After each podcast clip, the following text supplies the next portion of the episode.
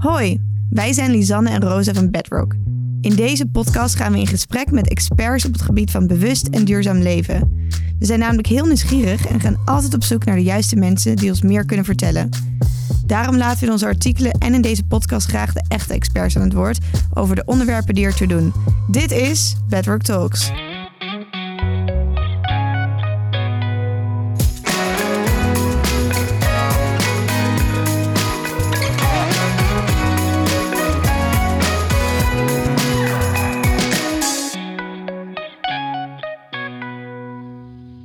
De vorige podcast hebben we het gehad over de zoektocht naar geluk en de issues die wij als millennials tegenkomen in het leven.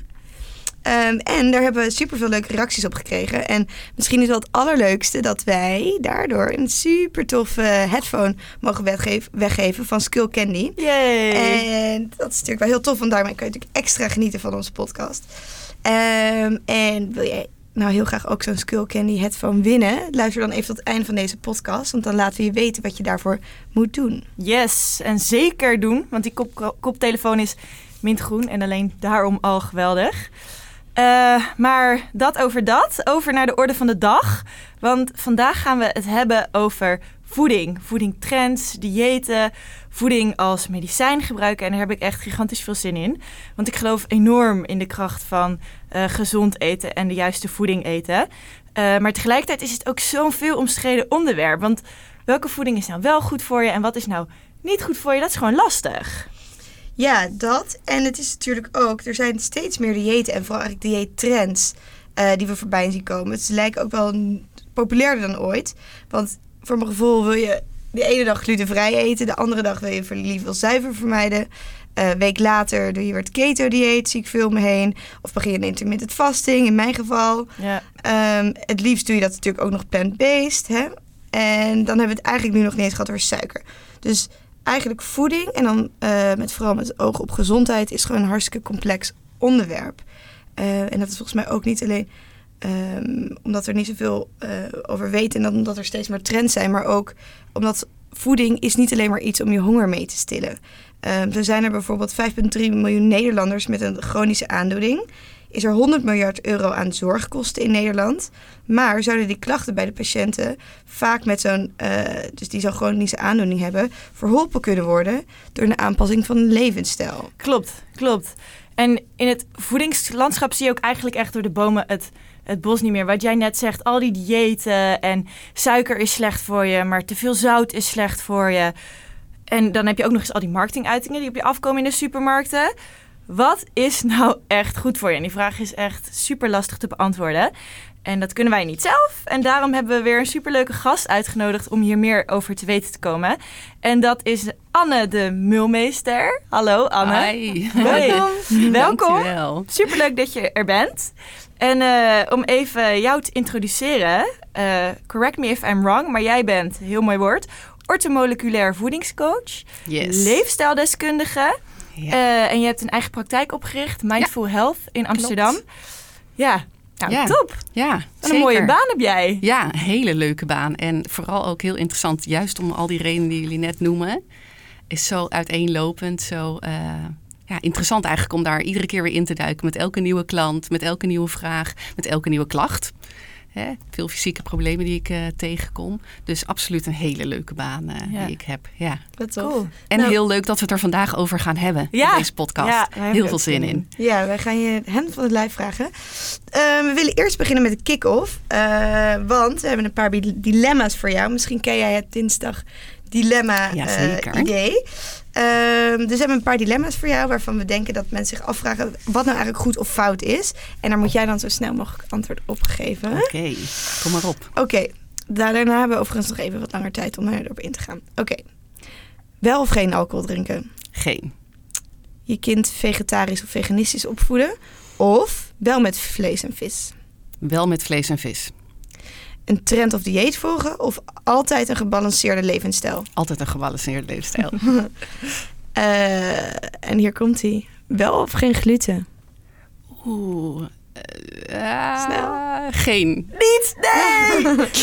uh, en dan de laatste. Voeding als medicijn gebruiken of medicatie? Voeding. Absoluut. Hmm. Dat is interessant. Oké, dat waren de vragen. Ehm, je zei meteen bij geen alcohol drinken. Geen. Ja, hoezo? Doe je dat Ah, ook? Drink jij geen alcohol? Nou ja, sowieso drink ik op het moment niet, Nee. omdat, ik, omdat ik een kleintje heb en, Ja. eh, en die borstvoeding geef. Dus ik heb al heel lang niet gedronken, natuurlijk ook niet tijdens mijn zwangerschap. Ik denk, tuurlijk, eh, alcohol hoort erbij, ook in mijn leven, alleen nu eventjes niet. Eh, maar ik denk voor het grootste gedeelte zou het voor heel veel mensen best wel goed werken als ze in ieder geval veel minder zouden drinken. Ehm, en misschien met tijden ook gewoon even niet zouden drinken. Ja? En wat ik heel veel zie in mijn praktijk, want dit is best wel ook een vraag die ik van veel eh, vrouwen krijg. Want ik zie veel jonge, ambitieuze vrouwen die ook wel in eh, kringen verkeren waar een alcohol een heel grote rol speelt. Ook omdat het gewoon lekker en leuk en gezellig is, maar ook omdat er echt wel een zekere druk kan zijn om daarin mee te doen. Ehm, en die daar echt mee worstelen. Die zeggen, ja, ik wil eigenlijk helemaal niet vier keer in de week op al die borrels en feestjes zoveel drinken. Maar ik voel wel dat ik mee moet doen. Hoe ga ik daarmee om? Of mensen die zich realiseren, ja, ik ben er toch eigenlijk wel veel te afhankelijk van. Ik neig toch veel meer naar twee flessen in plaats van één lekker glas wijn waar ik dan van geniet. Ja, Dus daarom zeg ik heel erg zwart-wit geen. Maar ik denk eh, in mijn optiek Ja. is eh, alcohol helemaal niet per se iets wat je helemaal zou moeten mijden. Misschien in de ideale wereld, maar daarin leven we niet. En nee. Het is ook gewoon iets wat wel... eh, En wat, wat adviseer je dan mensen die dan vier keer per week op een borrel staan en eigenlijk niet mee willen doen, maar wel die druk voelen? Ja, goede vraag. En waar, wat ik in ieder geval in heel praktische zin eh, adviseer zijn eigenlijk twee dingen. Eh, Een, een oefening kan zijn die ik vaak meegeef. Is als mensen het echt heel moeilijk vinden om in het moment bijvoorbeeld een drankje af te slaan. Of te zeggen, joh, doe mij maar een spa rood. Wat dan toch een beetje een gevoel van schaamte of niet tof dat je dan niet meedrinkt geeft. Is door eh, voordat je naar dat feestje of die borrel of die gelegenheid vertrekt, even te visualiseren. Oké, straks kom ik daar binnen, dan zal het er ongeveer zo en zo aan toe gaan. Dan zijn er die en die mensen. Ik weet vrij zeker dat er iets wordt aangeboden. Wat ga ik dan antwoorden? Dus door al even, even te voelen van wat wil ik? Hoe ga ik daarop reageren? Is de kans dat je in het moment zegt van joh, nog even niet. Later neem ik een wijntje of waar je dan ook zin in hebt. eh, dat dat lukt om te doen, is groter. En dat werkt vaak wel goed, zeker als je dat een beetje traint. Hè? Want visualisatieoefeningen eh, zijn vaak dingen die je goed kan trainen en goed kan gebruiken. Ehm, en ook eh, heel praktisch door ze later op de avond. Door dan pas je eerste drankje te nemen. En het moment van drinken wat uit te stellen en goed af te wisselen met iets waar geen alcohol in Ja. zit. In plaats van Ehm, alcohol steeds gewoon maar als vochtinbrenger. Ja, precies. Ja. Ja. In plaats van, ja. Dus als je wat later begint en dat wat meer afwisselt, dan eh, kun je stap voor stap wat iets meer toewerken en dan raak je ook iets meer gewend. En sowieso natuurlijk ook gewoon delen met de mensen om je heen. Want stiekem zijn er heel veel mensen in je omgeving die dit herkennen. Ja. Maar toch ook een beetje een taboe is om te zeggen: ik drink niet, Mm. of ik drink minder, of ik hoef nu even niet. Ehm, Slim. dat vooral. En, en, en trouwens, voor jezelf nagaan, waarom drink ik eigenlijk? Ja. En, en ja, wat is mijn relatie tot alcohol? goeie. Ja. Goeie. Ehm, ja, misschien wat ook nog wel leuk is, is jij zegt dus inderdaad wel je kind met vlees en vis Ja, opvoeden. Eh, en je hebt net zelf een kindje gekregen, Yes. maar jij bent wel vegetariër. Ja, geen ja. vlees. Nee, en mijn weg naar eh, vegetarisme is er niet eentje geweest van de een op de andere dag. Dat is eigenlijk heel geleidelijk gegaan. En eigenlijk om twee redenen. Sowieso het gezondheidsaspect van veel vlees eten en de kwaliteit van het vlees wat we in Nederland voorhanden hebben. Ehm, en als tweede zeker ook al een stukje duurzaamheid en dierenwelzijn. Ja, Ehm, toch denk ik niet dat.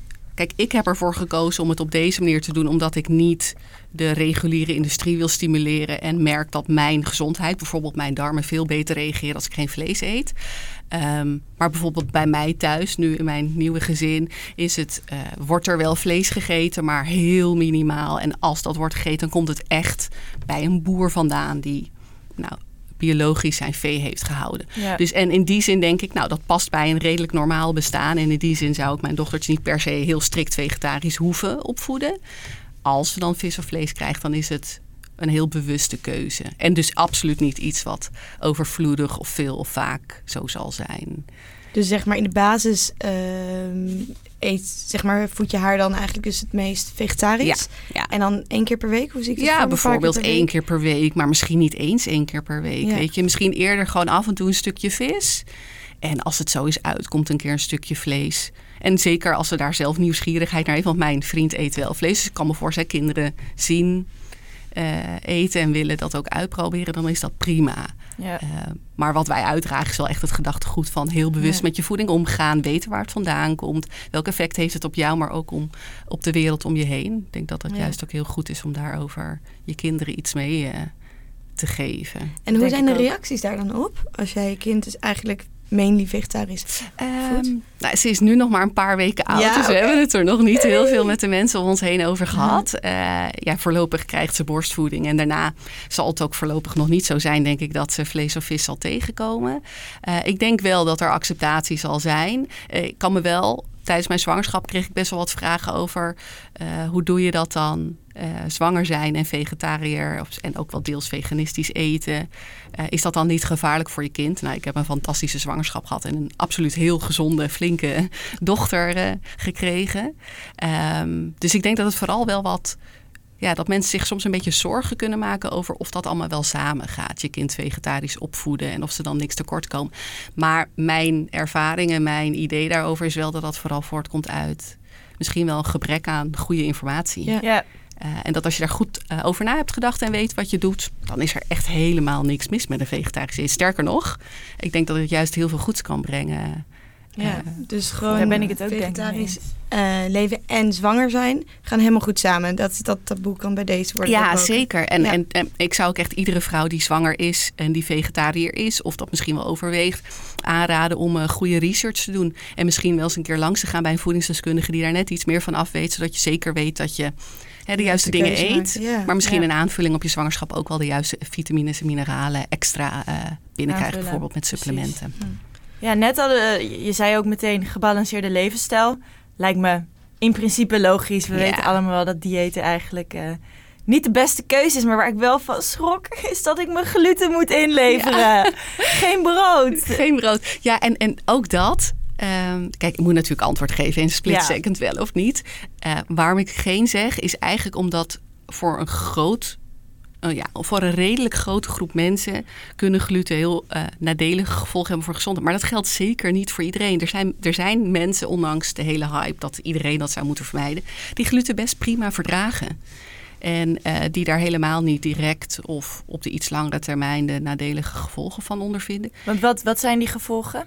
Nou, wat gluten kunnen doen is uh, een aantal dingen. Maar op het moment dat je gluten eet, en zeker als je uh, een darmstelsel hebt wat al wat gevoeliger is, of uh, klachten hebt zoals uh, luchtweginfecties, darmklachten, eczeem, dus huidaandoeningen, dan is dat vaak een teken dat er uh, in die darm al het een en ander niet in orde is. Dat kan betekenen bijvoorbeeld dat je darmslijmvliezen, dat die wat kwetsbaarder zijn. Hè. Dat is zo'nzelfde soort huid als bijvoorbeeld in je mond.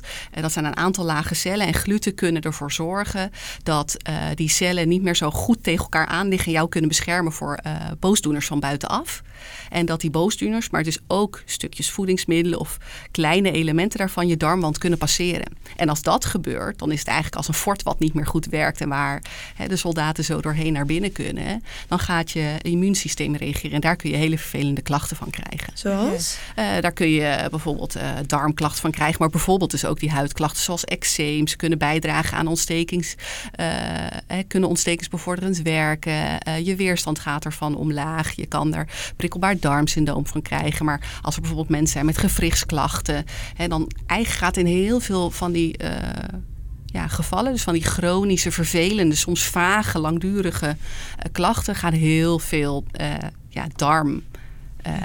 klachten schuil. Zelfs als je niet eens het idee hebt dat je die problemen in je darmen hebt, gaat daar vaak een hoop mis. En gluten kunnen dus echt wel daar ja, een bijdrage aan doen. Dus voor veel mensen werkt het. Zeker als je je wat vermoeid voelt of je hebt andere klachten goed om geen gluten te eten. Wil niet zeggen dat je per se allergisch bent, maar wel dat je erop reageert.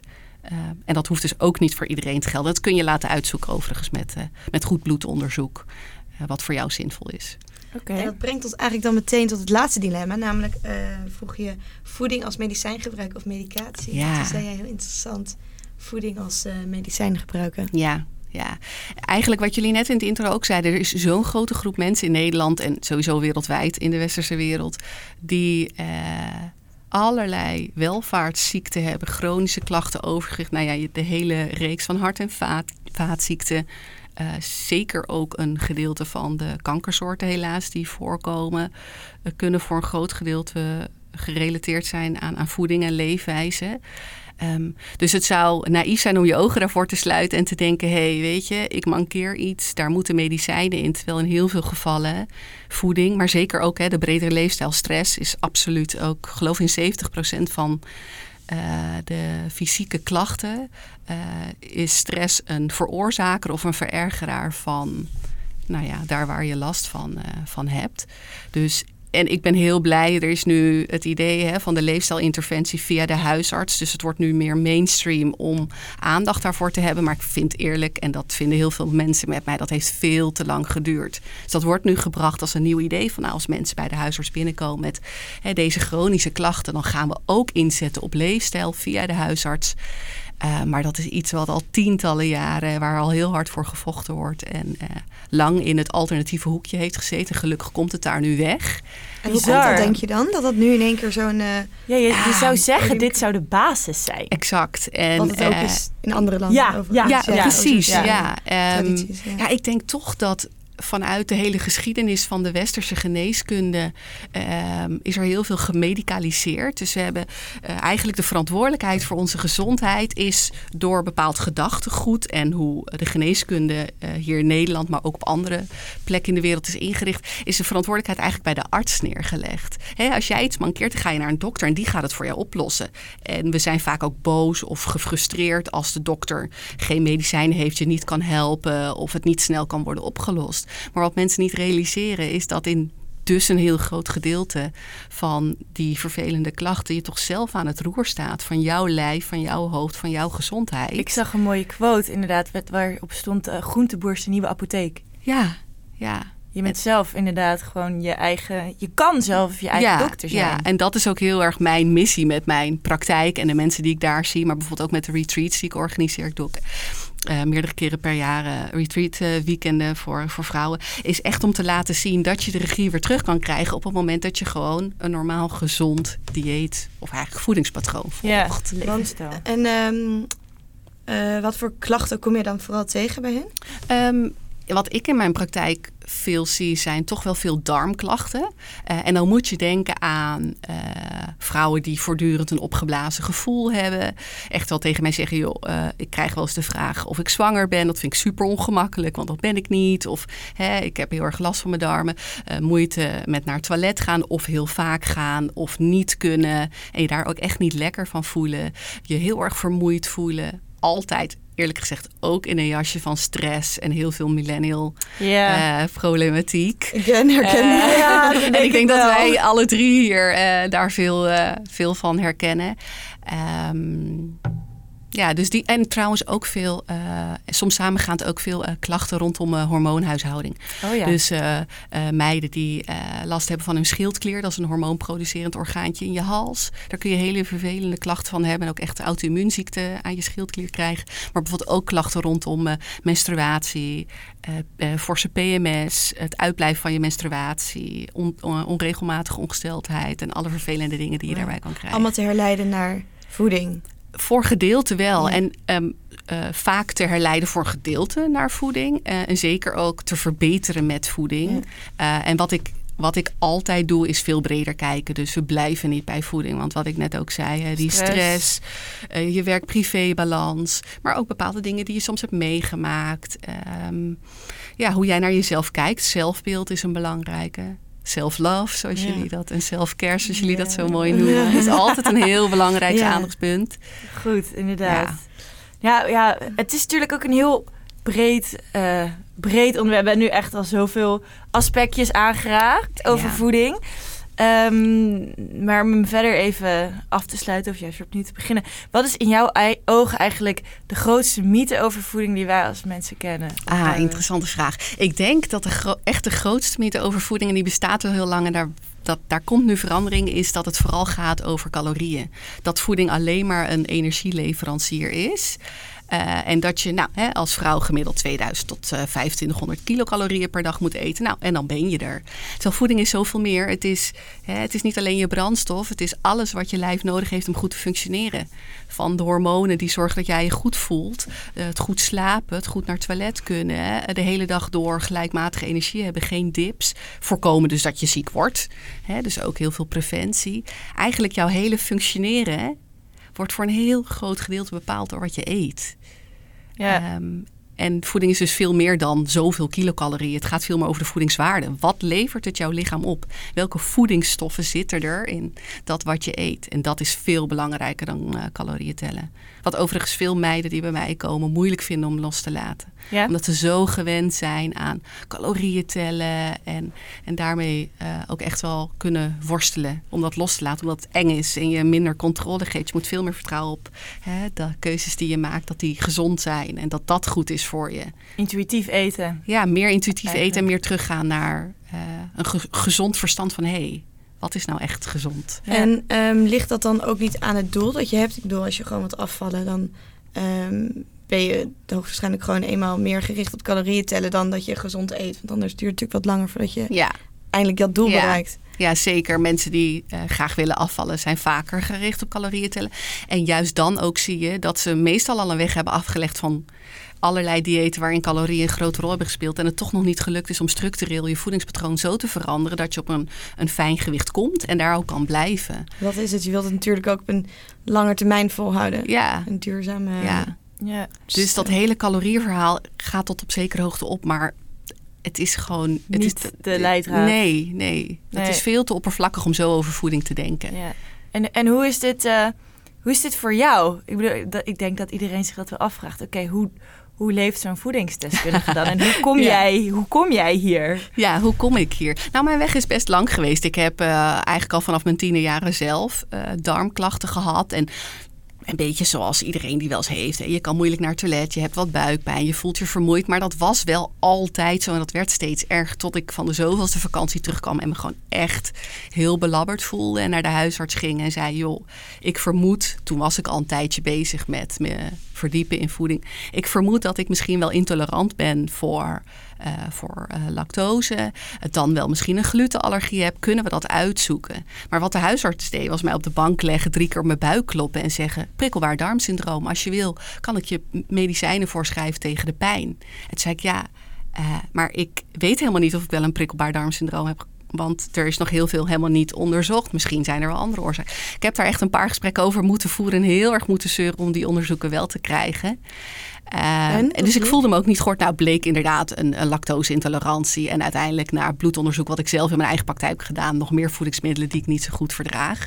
Maar dat is wel de start geweest van mijn voedingsverandering. En dat is alweer tien jaar geleden, denk ik. En dat heeft, nou, 90% van al mijn klachten verholpen. En wow. daarbij ging ik me ook echt veel beter voelen. Veel helderder in mijn hoofd. Uh, veel betere huid. Ik had veel meer energie. Ik hoefde niet af te vallen, maar dat wat er nog zat, verloor mijn lichaam als vanzelf. Dus mensen gingen ook vragen: Goh, wat doe jij nou eigenlijk? Um, en wat ik doe, ja, want dat vroeg je eigenlijk net. Hoe ja, leef ik eigenlijk? Wat eet jij? Geen, wat geen lactose, dus in elk geval meer. Wat zeg je? Geen lactose. Dus nee, in nou, uh, in, uh, met kleine, kleine beetjes, dan gaat het prima. Want ik vind het echt lekker om af en toe nog wel wat yoghurt te eten. Van een klein beetje uh, kaas. kaas maar niet meer in de hoeveelheden die ik gewend was of die we een beetje gewend zijn in Nederland. Gewoon hè, vier boterhammen met kaas, kaas per dag en dan doen we ook nog twee glazen melk en dan toenemen nog een bak yoghurt en nou ja, et cetera. Dat doe ik niet. En hoe mijn dieet eruit ziet of mijn voedingspatroon eigenlijk is voor een groot gedeelte uh, veel groente, uh, langzame koolhydraten. Uh, maar echt ook af en toe lekker tonisch. Uh, of een pizzaatje. Sommige mensen denken, oh, ze eet zeker helemaal niks waar suiker in zit of wat niet gezond is. Dat is echt niet waar. Maar yes. mijn... Dat wil ik horen. Ja, en dat, en dat is ook echt wat ik... Want uh, vrouwen vinden dat soms wel eens denken... oh, dan moet ik helemaal zonder al die lekkernijen. Maar dat, ik doe dat ook niet. Ik geloof daar ook niet zozeer in. Als je het kan en je voelt je er goed bij... vind ik het heel erg knap. En het is misschien ook dat juist dat... ik bedoel, juist dat stukje chocola of of die pizza heeft ook een beetje te maken met die liefde voor jezelf, toch? Ja, iets zeker. gunnen aan jezelf, Ja. iets lekkers. Ja. En dat is ook belangrijk. Ja. Ook belangrijk, maar gezond eten natuurlijk eigenlijk ook. Want Ja. Ik bedoel, ja, Ja. je lichaam is toch wel waar je de rest van je leven mee zult moeten doen. Dus Ja. ehm, Ja, die en- balans. Ja, Ja. Ik, ik- Ja, weet je, en dan is, is het misschien ergens ook wel weer een beetje hetzelfde saaie verhaal, maar zo ongeveer 80-20. Weet je, voor mij werkt het heel goed om een heel groot gedeelte, dus alle hoofdmaaltijden die ik eet, zijn gewoon goed, gezond en voedzaam. Veel groenten, langzame koolhydraten, zorgen dat ik voldoende vocht binnenkrijg. De 80% waar het net over Ja, had. en dan weet je, dan, ja, weet je, dat ene stukje chocola wat je dan eet, of eh, dat lekkere taartje, weet ik veel, als je met je vrienden ergens zit te lunchen, dat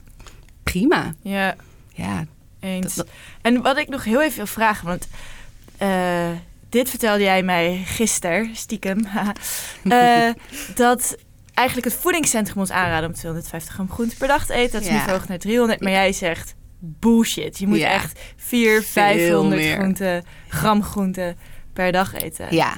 Ja. Dat je achterhaalt ook het eh Ja. voedingscentrum. Ja, als we daar hier in deze podcast Ja, toch kun- al eerlijk over kunnen zijn, dan sluit ik me daar helemaal bij aan.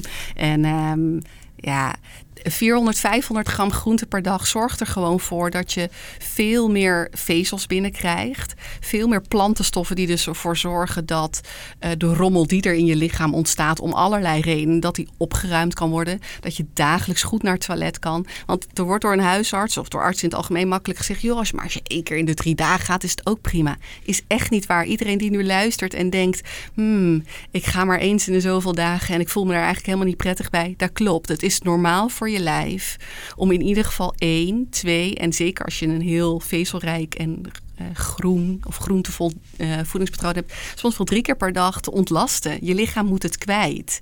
Ehm, ja, dus 400, maar het liefst zelfs 500 gram groente per dag is absoluut nodig om te zorgen dat je in, in elke zin goed kan functioneren. Ja, En dat Ja. wordt onderschat. ja, Ik geloof dat Dat denk ik ook. ehm, een paar procent van de mensen in Nederland überhaupt eh 250 gram redt. En eh, het grootste gedeelte van de mensen ook nog overschat hoeveel ze eigenlijk eten. Dus denken, oh ja, maar ik eet best wel veel groenten. Maar ga maar eens 250 gram, 300 gram, maar zeker 400 of 500 gram. Ja. Eh, Kijken, ja. Kijk hoeveel dat Ja, is. Ja, Ja. klopt. Ja. Ehm, en dan eigenlijk nog wel even over naar een ander, eh, ander onderwerp, namelijk voedingstrends. En Ja. Roos, ik, ik denk dat wij het levende voorbeeld zijn van die voedingstrends. Yup. ik heb een maand veganistisch geleefd en eet eigenlijk nu nog steeds zo min mogelijk, zo, geen vlees, zo min mogelijk vis. En eigenlijk ook geen amper, zuivel, toch? amper zuivel, inderdaad. bijna- bijna Vakantie, veganist. Uit, ja, uitzondering daar gelaten. Vermijd het liefst eh, suiker. Roos, jij bent lekker aan je intermittent fasting trend bezig... en doet nu eigenlijk weer een of andere extreme challenge. Hoe kijk jij als deskundige nou aan tegen die trends? Ehm, ja, interessante vraag. Aan de ene kant verwelkom ik die trends best wel, omdat niet alle trends, maar in sommige trends schuilt wel eh, informatie die eh, nieuw licht schijnt op wat ook gezond voor je kan zijn. Eh, aan de andere kant zijn het trends, dus ze komen en ze gaan. En in, en in die zin helpen ze mensen eh, op de lange termijn vaak niet om eh, structureel gezonder te leven. Dus hè, stel jij wilt afvallen of je wil andere gezondheidsdoelen bereiken, dan kan het best zijn dat je tijdens het volgen van zo'n trend of van zo'n specifiek dieet je daar veel beter bij voelt. Ehm, en lukt het je ook om dat hè, vol te houden. Want niet elke trend is ook geschikt om over de lange termijn eh, te doen. Ehm, dus het zegt heel veel over wat je op dat moment kan doen. Maar het, eh, het haakt niet heel erg in op je motivatie en op je gedragsverandering. En dat is waarom trends komen en gaan en mensen het vaak niet lukt om, eh, om dat vol te houden. Ehm, dus elementen daarvan kunnen heel interessant zijn, zoals bij het keto- keto-dieet en zeker ook bij intermittent fasting of detox. Daar schuilen allemaal elementen in die heel zinvol kunnen zijn voor je lijf of ons in ieder geval leren om niet meer op de klassieke manier naar voeding te kijken.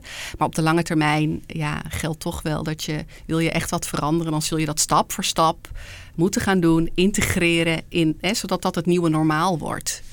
Dus eigenlijk zeg je dat al die voedingstrends op de lange termijn gewoon geen duurzaam effect hebben. Meestal niet. Nou is van eh, keto-dieet en van intermittent fasting wel gebleken dat ze op de korte termijn, als het gaat om overgewicht bijvoorbeeld, een gunstig effect kunnen hebben op je gewichtsverlies, maar ook op de hormoonhuishouding rondom het ontstaan van overgewicht.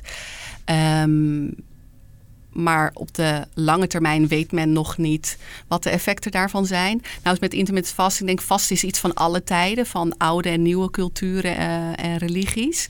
Dus ook mooi om er op die manier naar, uh, naar te kijken.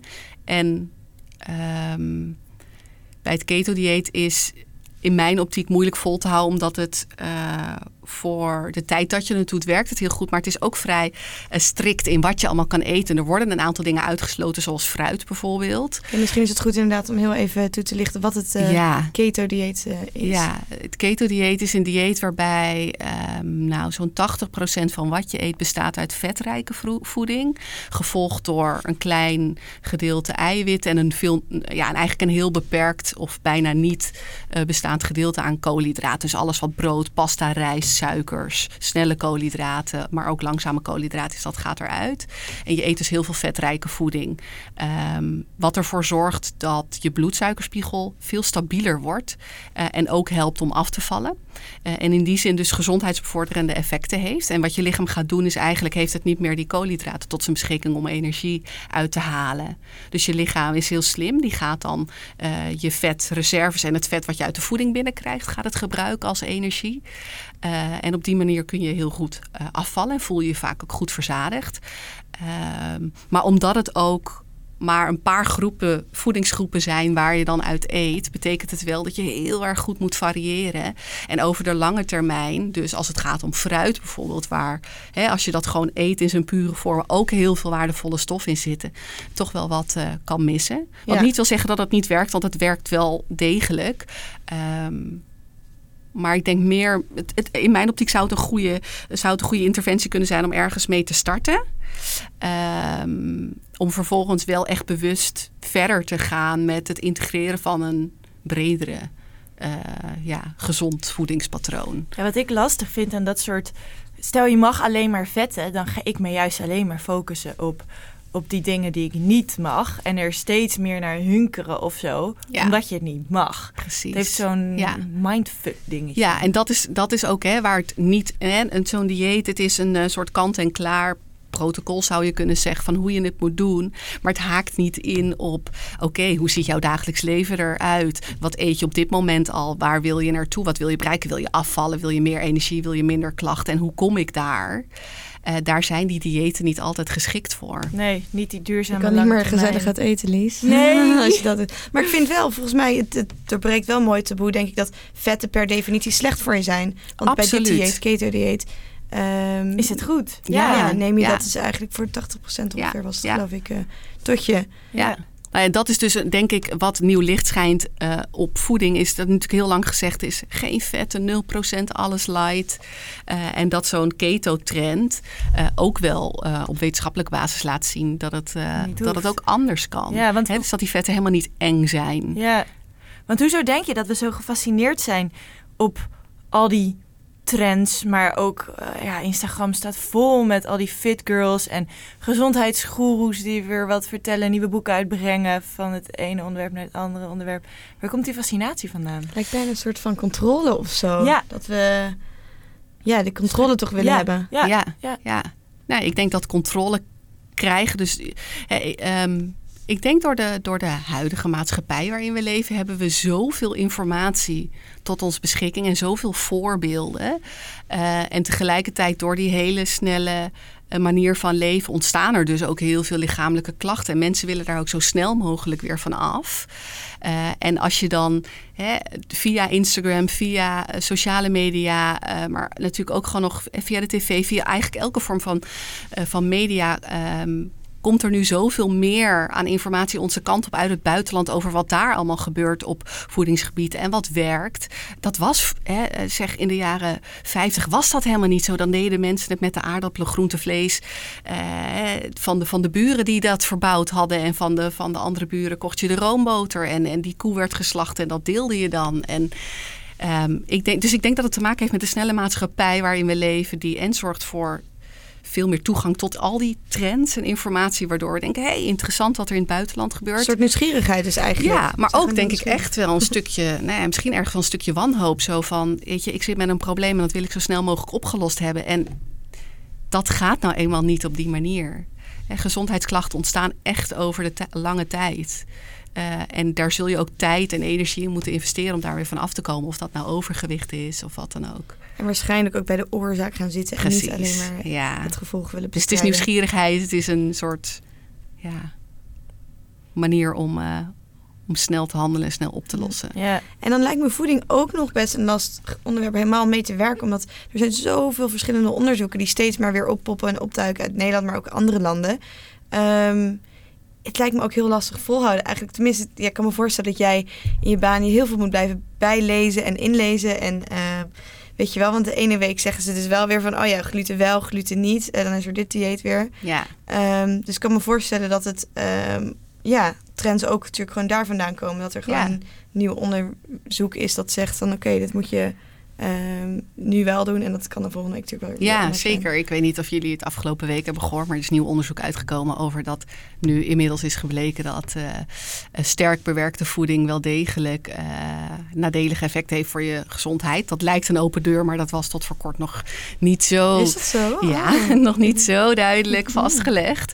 Um, en ja, hoe, hoe ik dat doe in mijn praktijk is uh, heel eerlijk ook door een beetje het kaf van het koren te scheiden. Ja, er zijn heel veel trends, maar ik werk veel meer vanuit het gegeven uh, mensen te leren te voelen wat goed voor hen is. En ook het gezond verstand te gebruiken. In die zin, uh, door mee te geven, als jij in de supermarkt rondloopt en je hebt een bepaald product in je handen en je vraagt je nou af, is dat nou gezond?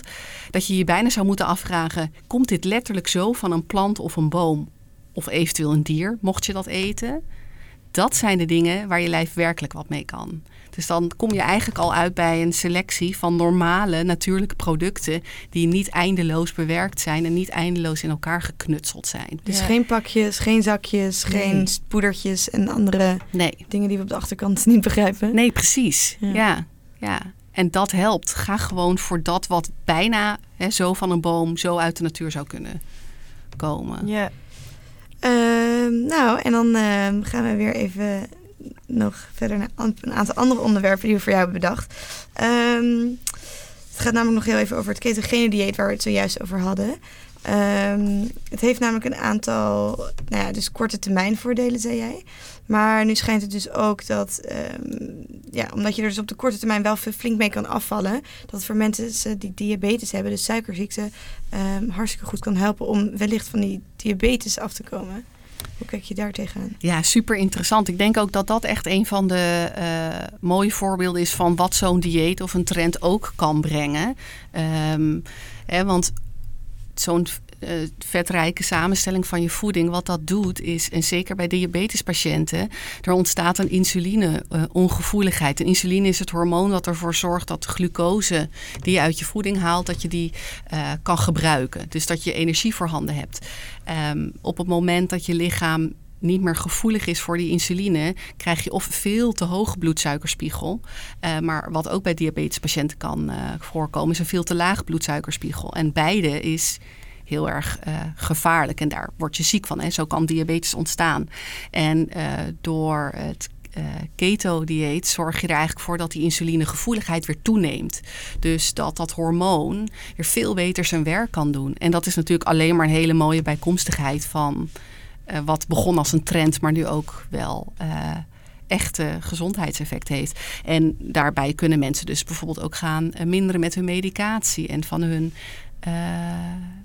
medicatie afkomen. En, en hoe werkt dat dan op de lange termijn? Want als je dan, bedoel, dat, dat dieet is dan misschien iets wat je nu doet, um, maar vervolgens ga je weer over in je eigen levensstijl, kan ik me Als je suikerpatiënt bent, bedoel je? Ja, als ja. Je, precies. Als je inderdaad het dieet volgt als diabetespatiënt. Ja. Um, nou, ik denk dat het advies altijd zou zijn, en volgens mij is dat ook wat het Diabetesfonds bijvoorbeeld zegt, is dat om onder begeleiding te doen.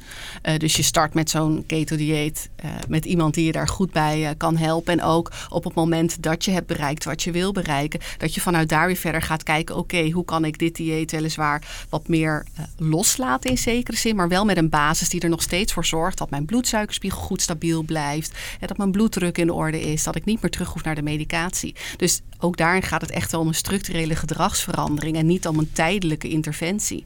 Want als iemand even het keto-dieet volgt met, met succesvol uh, einde, zal ik maar zeggen, en daarna weer helemaal terug zou gaan naar de oorspronkelijke leefstijl, dan ja. is de kans vrij groot dat die ja. uh, diabetesklachten weer opnieuw zullen ontstaan. Dus, dus een soort opzetje eigenlijk naar ja, een gebalanceerde, beter, ja, gezonde Ja, ik kan me voorstellen dat het op die manier wordt ingezet en dat het voor die mensen misschien juist op de langere termijn goed is om, uh, om daar wat hulp bij te hebben. Hoe doe je dat nou? Dus door te zorgen dat je in ieder geval niet meer teruggaat naar suikers, snelle koolhydraten en sowieso een koolhydraat beperkt dieet blijven volgen met voldoende vetten, is voor die groep extra belangrijk. En veel groenten. Ja, absoluut. Ja, die suiker is eigenlijk ook wel echt een no-go, hè? Absoluut, ja. Laten we toch nog maar even benoemen. Ja, suiker is gewoon een no-go, punt. We kunnen er heel lang uh, over kletsen, maar het, het is inmiddels heel duidelijk hoeveel negatieve effecten suikers heeft.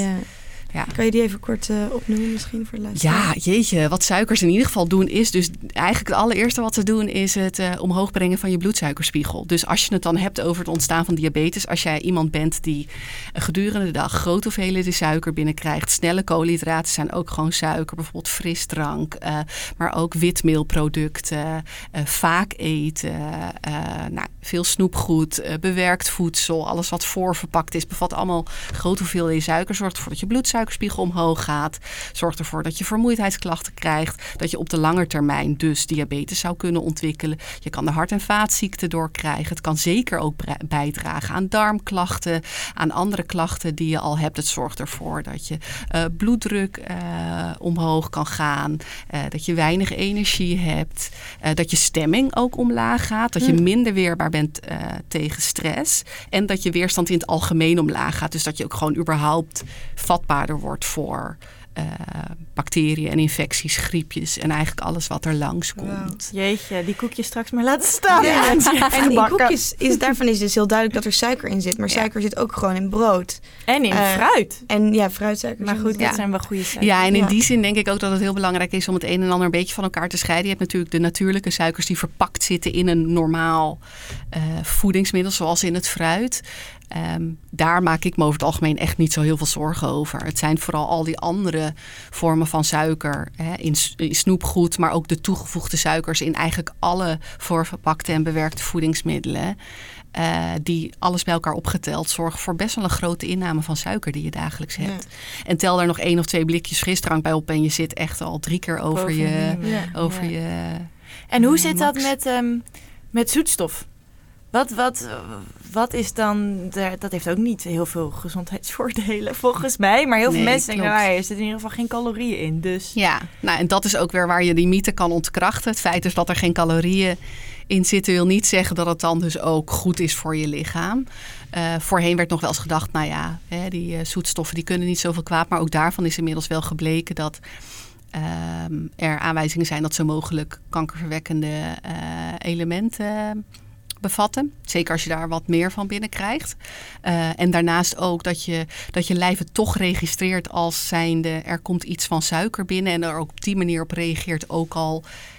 Um, is het geen echte vorm van suiker. Dus je hersenen registreren het wel als suiker. En je lichaam gaat daar ook naar handelen. Wat opnieuw ongunstige effecten heeft voor onder andere je bloedsuikerspiegel. Dus ook zoetstof gewoon niet doen. Nee, en, en, weet je, bij alles geldt ook. We hadden het er net over, over die tonies en dat stukje chocola. Kijk, in kleine hoeveelheden wat van deze suikers, daar wordt niemand echt heel erg. Uh, veel slechter van. Als jij zorgt dat de hoofdmaaltijden en je, de doorsnee van wat je eet gewoon goed gezond en het liefst suikervrij is, dan kun je dat kleine beetje suiker echt prima hebben. Maar voor heel veel mensen gaat dat niet op. Nee, dat is natuurlijk ook lastig.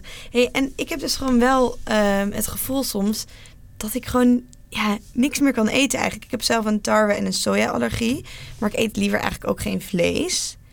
Dus dan denk ik, ja, wat, wat, wat kan ik nou nog wel eten? En hoe kom je daar vooral achter? Wat, wat werkt voor jou? Ja, ja, nou ja, jij weet dan in ieder geval hè, dat je allergisch bent voor soja en tarwe. Voor mensen die dat niet weten en erachter willen komen, ja, wat voor hun goed werkt, zou ik je aanraden om uh, een voedingsdeskundige te raadplegen en misschien wel uh, wat bloedonderzoek te doen. Zeker als je zelf vermoedt dat er misschien dingen zijn waar je niet goed uh, tegen kunt. En verder is denk ik toch ook wel heel belangrijk als het dan gaat om, om mindset en um, hoe vind je je weg in voedingsland en wat je wel kan eten, is door simpelweg ook je te focussen op wat je allemaal wel kan eten.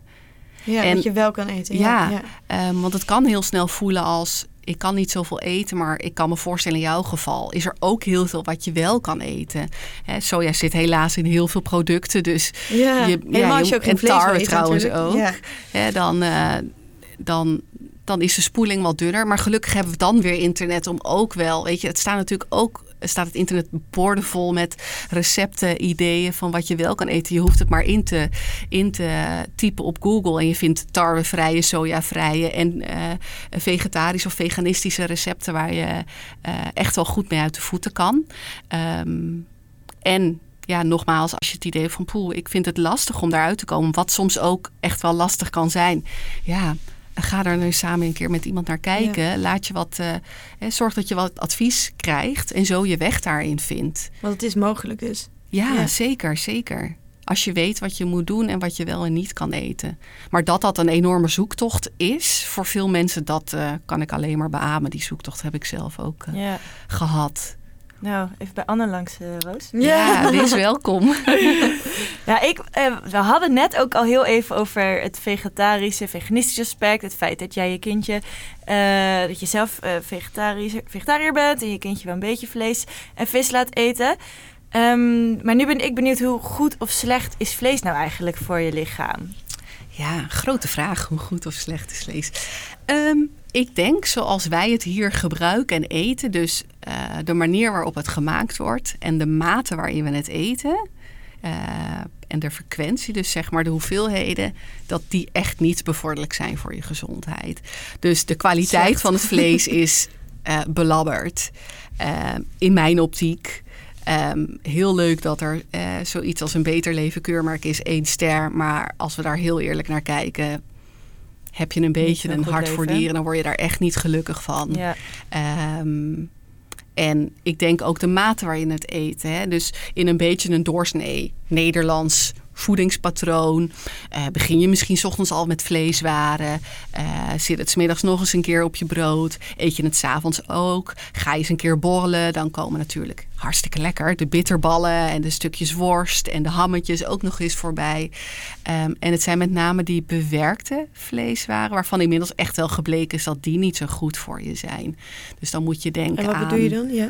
Ja, dan moet je dus bijvoorbeeld denken aan veel vleeswaren die dus echt een bewerking hebben ondergaan. Dus eh, gemalen vlees, maar ook eh, gedroogd vlees. Dus alles waar ehm, een smaak of bewerking aan eh, is on- dat heeft ondergaan, dat wil je liever En dat betekent dat ook veel vleeswaren je beter kan laten liggen. Dus wat ik vaak meegeef aan de mensen in mijn praktijk die vlees eten, dat ook willen blijven doen, is door in ieder geval te minderen eh, qua beleg. Dat is allemaal, weet je, dat is allemaal best wel goed vervangbaar voor iets anders. En als je dan vlees eet, kies dan voor in ieder geval biologisch vlees. En het liefst dan een plek waar je een beetje weet hoe er voor de dieren gezorgd is. Maar al is het in de supermarkt, kies dan in ieder geval voor biologisch vlees.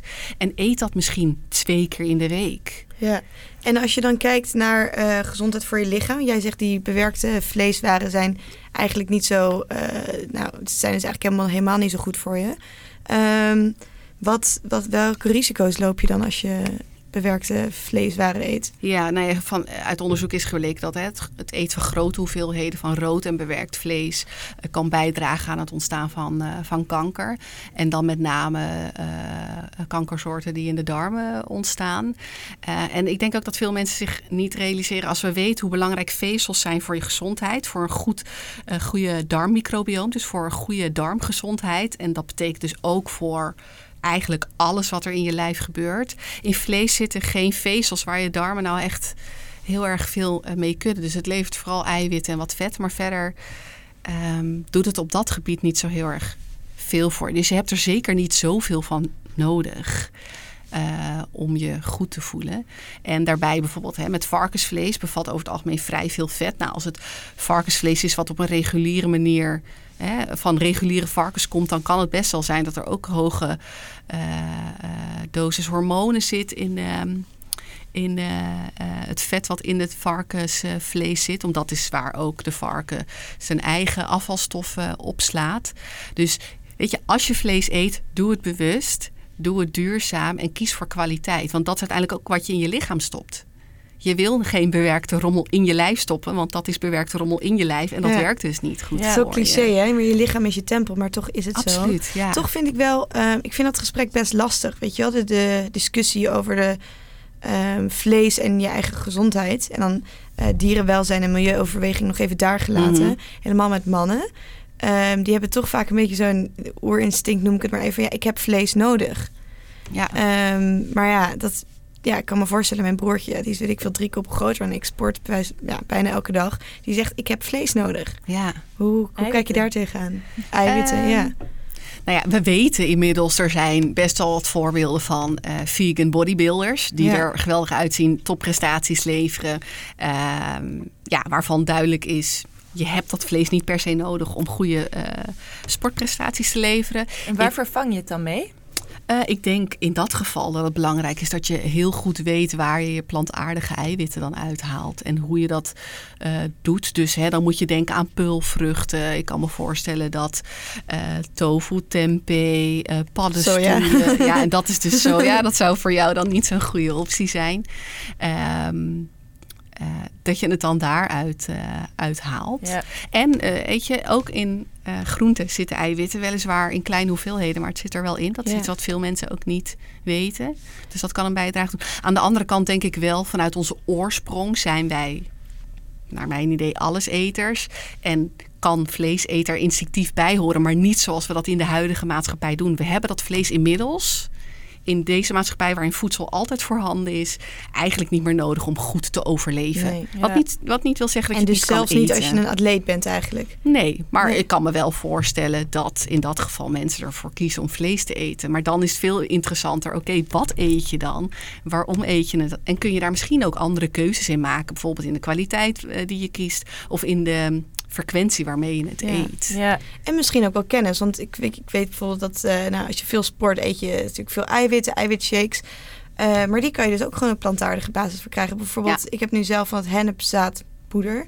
Ehm er zit ook hartstikke veel eiwitten in. En is gewoon plantaardig. Ja. Ja, Ja, dat zijn dat natuurlijk hele mooie voorbeelden. weten. Ja. ja. Ik kom het toevallig tegen Ja. in zo'n winkeltje. Maar Dus eh, kennis is absoluut key in dit verhaal. daarom hebben we jou hier. We zijn er hartstikke blij mee. Ehm, Ehm, ja, eigenlijk nu komen we eigenlijk nog bij het allerinteressantste deel. We hebben er eigenlijk Yay. begin al best wel een beetje over gehad. Maar we gaan het hebben over voeding inzetten als medicijn. Ehm, het is een beetje een inkoppertje, maar... ehm, zijn er bepaalde dingen waarvoor je voeding dus ook zou kunnen gebruiken, behalve voor het eh, je lichaam voorzien van energie? Ehm, ja, ik ben benieuwd hoe jij, eh, hoe jij daar zo naar kijkt. Ja, nou ja, voeding als medicijn klinkt misschien als. ehm, ehm, Idyllisch. Ja, maar eigenlijk is dat wat je juist eigenlijk als je een normaal gezond die wat in mijn optiek dus een normaal gezond goed gevarieerd eh, voedingspatroon hebt, dan zet je voeding preventief al in als medicijn, juist om te voorkomen dat je ziek eh, wordt, of in ieder geval het risico op het ontstaan van al die vervelende westerse ziektes, ehm, eh, ja, verlaag je daarmee enorm. Dus ehm, ben je eenmaal ziek, heb je klachten, dan kan voeding absoluut een, een hele belangrijke bijdrage doen. Als we het bijvoorbeeld hebben over. ehm, nou, wat, wat, ik zit even te denken hoor, wat kom ik dan bijvoorbeeld tegen in mijn praktijk? Nou ja, mensen met forse, dan heb ik toch weer even over die darm, maar dat is wel waar het allemaal eh, Begint. begint. Ja. Ehm, is als er mensen binnenkomen met hele forse darmklachten. Dat kunnen bijvoorbeeld ook ontstekingen zijn aan de darmen, zoals de ziekte van Crohn of colitis ulcerosa. Dan blijkt heel vaak dat er één, heel veel voedingsmiddelen zijn die deze mensen niet goed verdragen. Eh, er eh, ontstekingen in het lichaam zijn, met name in de darmen, die eh, steeds weer de kop opsteken. Door dan te zorgen dat je ontstekingsremmende voeding eet, kun je ervoor zorgen dat die darmen beter gaan functioneren en dat die ontstekingen omlaag gaan. En dat inzet van ontstekingsremmende voeding kan ook bij heel veel andere gezondheidsklachten, want die ontstekingen ontstaan bij heel veel type klachten. En waar je dan aan moet denken is, daar heb je hem weer, heel veel groenten. Eh, veel groene groentes, die leveren namelijk specifieke plantenstoffen die ervoor zorgen dat, ehm, dat de ontstekingsstoffen die vrijkomen in je lichaam, dat die eh, ja, aan, ja, aangevochten kunnen worden als het ware. Dus dat die ontstekingen omlaag gaan. Dat je eh, je darmen wat beter kunnen herstellen en jou dus kunnen beschermen tegen het ontstaan van deze vervelende klachten. Ehm, maar als je het bijvoorbeeld hebt over mensen met een te hoog cholesterolgehalte, een te hoge bloeddruk, dan geldt eigenlijk hetzelfde principe. Door te zorgen dat je minder suikers eet, uh, meer plantaardig gaat eten, uh, dat je bloedsuikerspiegel onder controle uh, komt, zorg er ook weer voor. Die bloeddruk gaat omlaag. Uh, de samenstelling van de vetten in je bloed en het cholesterol wordt veel beter.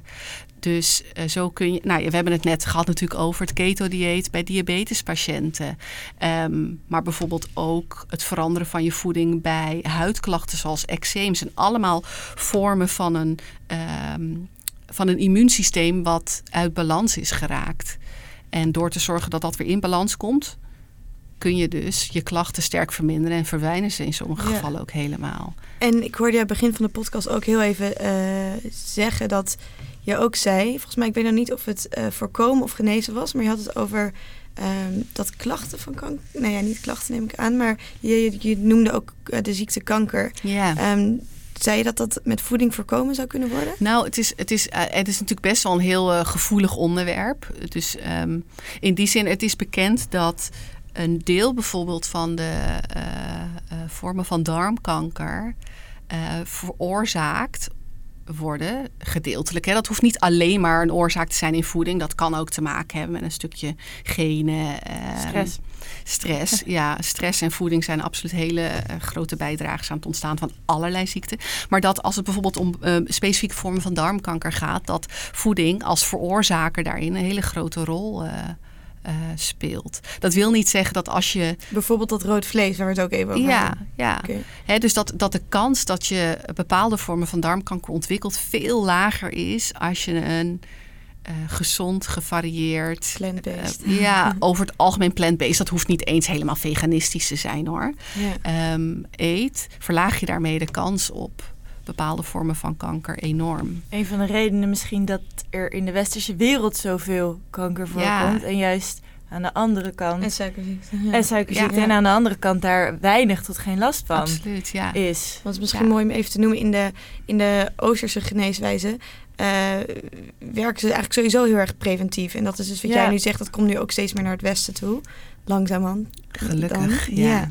Dat het daar dus eigenlijk heel erg normaal is dat je...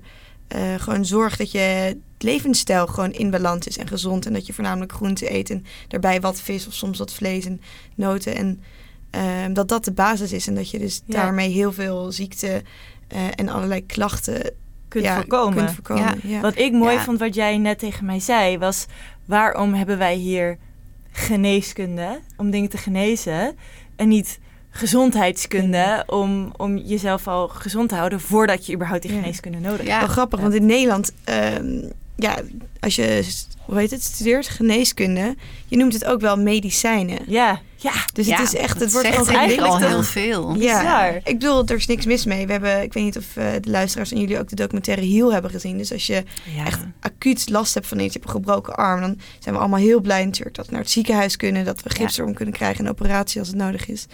Um, maar vaak zijn chronische klachten um, te voorkomen door gewoon een ge gezonde, gebalanceerde levensstijl te hebben.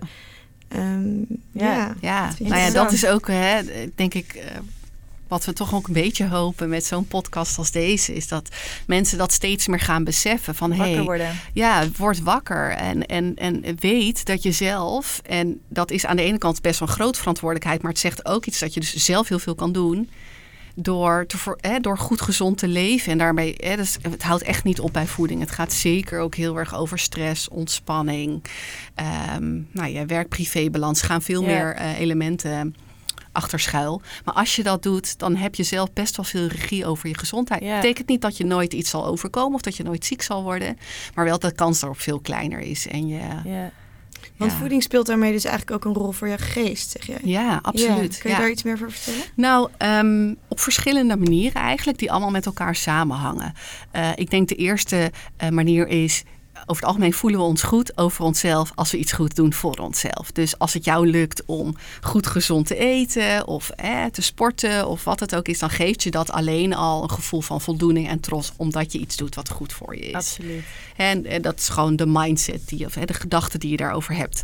Um, maar wat het je lichaam is ook gewoon een, een, een, een fabriek waar allerlei chemische reacties plaatsvinden, is door ehm, goed gezond te eten zorg je er bijvoorbeeld voor dat die darmen weer hè, goed gaan werken. Maar wat veel mensen niet weten is dat in je voeding of met je voeding lever je de bouwstenen voor hormonen en neurotransmitters. Uh, neurotransmitters zijn uh, stoffen, hormoonachtige stoffen, die onder andere, of die met name in de hersenen, uh, je gedrag en je stemming en je emoties bepalen. Dus op het moment dat jij voldoende bouwstoffen aanlevert voor de aanmaak van al die hormonen, geef je je lichaam ook de gelegenheid om die hormonen in de juiste hoeveelheden en in de juiste balans aan te maken. Um, in je darmen wordt ook een gedeelte van die hormonen geproduceerd. Bijvoorbeeld het hormoon serotonine hm. is hè, wat we allemaal kennen als het gelukshormoon. Is niet alleen iets wat als neurotransmitter in de hersenen uh, zijn werk doet, maar ook voor een gedeelte in de darmen wordt aangemaakt als hormoon en daar bijvoorbeeld ook weer um, uh, een relatie heeft tot je eetlust. Um, dus we weten inmiddels ook dat de darmen en uh, de, het zenuwstelsel, hè, wat er door het ruggenmerg naar beneden loopt, door je, door je ruggenwervels en de darmen, is een hele nauwe connectie tussen wat er in die darmen gebeurt en de verbinding naar je hersenen toe. En uit onderzoek blijkt dus ook dat mensen die beter eten, een betere darmgezondheid hebben, over het algemeen ook een betere stemming hebben. En mensen die somberheidsklachten hebben en gezonder gaan leven, voor een gedeelte ook een betere stemming krijgen. En wat ik in mijn praktijk meerdere malen heb meegemaakt de afgelopen jaar, is vrouwen die binnenkomen met bijvoorbeeld overgewicht, vermoeidheidsklachten, stress. In ieder geval de wens om gezonder te worden en af te vallen. En tegelijkertijd ook antidepressiva slikken of angstremmende medicatie. En dan, die dan, nou bijvoorbeeld na een half jaar of drie kwart jaar zeggen: joh, ik voel me zoveel beter. Ik ben met mijn psycholoog of arts gaan overleggen of ik misschien wel wat kan afbouwen in mijn medicatie. Wow. En die dan, ja, dat hun voedingspatroon hebben ja, en eh, een groot gedeelte gaat dan over voeding. Heeft natuurlijk ook weer hè, te maken met een stukje zelfzorg en stressvermindering. Maar voeding is vaak echt het startpunt en heeft een heel groot effect. Uh, en die dan in ieder geval naar een lagere dosis kunnen bijvoorbeeld. En in sommige gevallen zelfs helemaal hebben kunnen afbouwen. Oh, mooi. En nu uh, veel ja, rustiger zich voelen van binnen. En wat zijn dan eigenlijk de grootste veranderingen die ze hebben aangebracht in het patroon? Als je kijkt naar jouw uh, praktijk de grootste verandering is denk ik uh, dat ze als het echt heel erg praktisch op voeding gaat, bedoel je? Ja. ja. dat ze dus meer groenten zijn gaan eten. En uh, vooral heel erg afbouwen met die voedingsmiddelen die je bloedsuikerspiegel ontregelen. Uh, en dat gaat ook over de manier waarop je eet. Dus daar hebben we weer alles hè, wat suiker bevat. En dan bedoel ik echt die toegevoegde snelle suikers. Dus dat gaat over al die lekkernijen, maar dat gaat ook over het echt wel fors verminderen van koolhydraten. Het meer gebruiken van uh, gezonde vetten. Dus meer volvette producten ook gebruiken. Niet bang zijn voor die vetten. Um, dat gaat er ook over dat we heel erg gewend zijn om als advies van het voedingscentrum zes keer per dag te eten met tussendoortjes. Het zorgt er ook voor dat je lichaam voortdurend dat voedsel moet verwerken en voortdurend hormonen moet aanmaken om die suikers weer uit je bloedbaan te krijgen. Ook dat heeft invloed op een op en neergaande bloedsuikerspiegel. Dus door meer rust te brengen in nou, een aantal keer per dag eet en tussendoor niet. Um, nou ja, dat zijn een aantal dingen die deze vrouwen hebben gedaan. Nog los van of er specifieke persoonlijke yeah. voedingsallergie of intoleranties zijn. Want ook die hebben veel invloed op hoe je je voelt. En welke voorbeelden zijn... Wat, wat kan je eten om je gelukkig te voelen? Wat is gelukkig, gelukkig maken? Lisanne wil dat je niet zegt nachos of chocola. Ja, ik wou dat zeggen. Los van de tonisch uh, chocola en andere dingen wat je gezond... Ja, ik weet je, heel eerlijk, ik denk... Uh, we weten bijvoorbeeld van banaan. Daar zit tryptofaan in. En tryptofaan is een voorloperstof van serotonine. En serotonine is gelukshormoon. Dus hè, dan zou je kunnen zeggen, nou, banaan maakt ons gelukkig. Maar goed, dat is natuurlijk niet helemaal hoe het werkt. Je eet niet een banaan en dan ineens voel je je heel erg gelukkig. Ik denk dat al die beetjes bij elkaar, elke stap die je weer zet om je voedingspatroon net weer wat gezonder te maken, zorgt ervoor dat jij je beter gaat voelen. En dat ook gewoon vooral volhouden. Dus. Juist. Ja. Dus om het eigenlijk even, ja, dus om het eigenlijk even mooi samen te vatten. Jij zegt, oké, mocht je nou problemen hebben of je voelt dat je vaak moe bent of niet helemaal lekker in je vel zit en uh, misschien ook last hebt van je darmen, doe bloedonderzoek. Want je kan er dus gewoon achter komen ja. welke voeding wel niet voor jou werkt. En of dat nou een trend is of niet dat daar gelaten. Ja. Ja, Maar er zijn antwoorden. zoek Ja, het uit absoluut. En het Ja. is, dat is ook denk ik nog belangrijk even om te noemen. Het is echt maatwerk.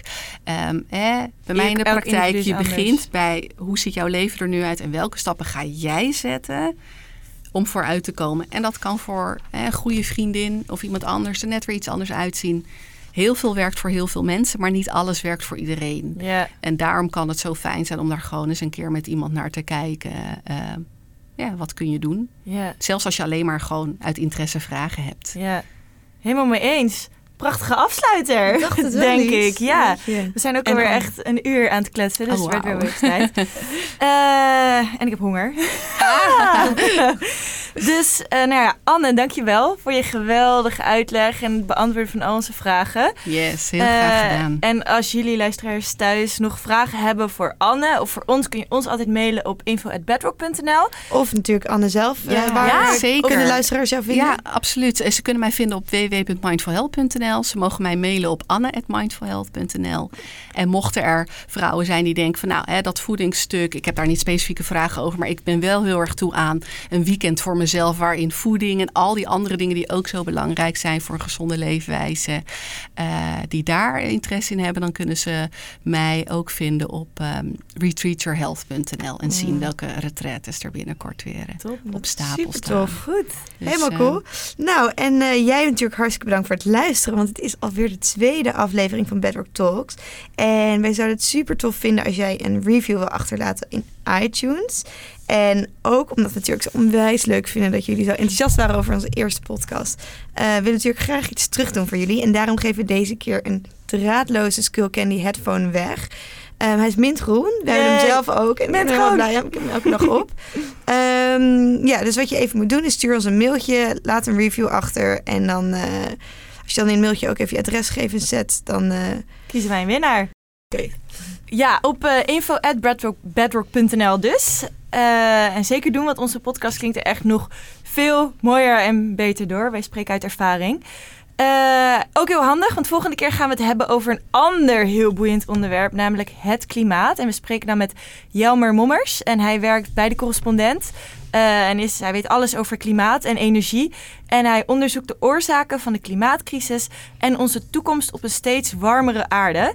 En heeft daar echt een mega boeiend boek over geschreven. Dus wij vragen hem ook weer het hemd van het lijf.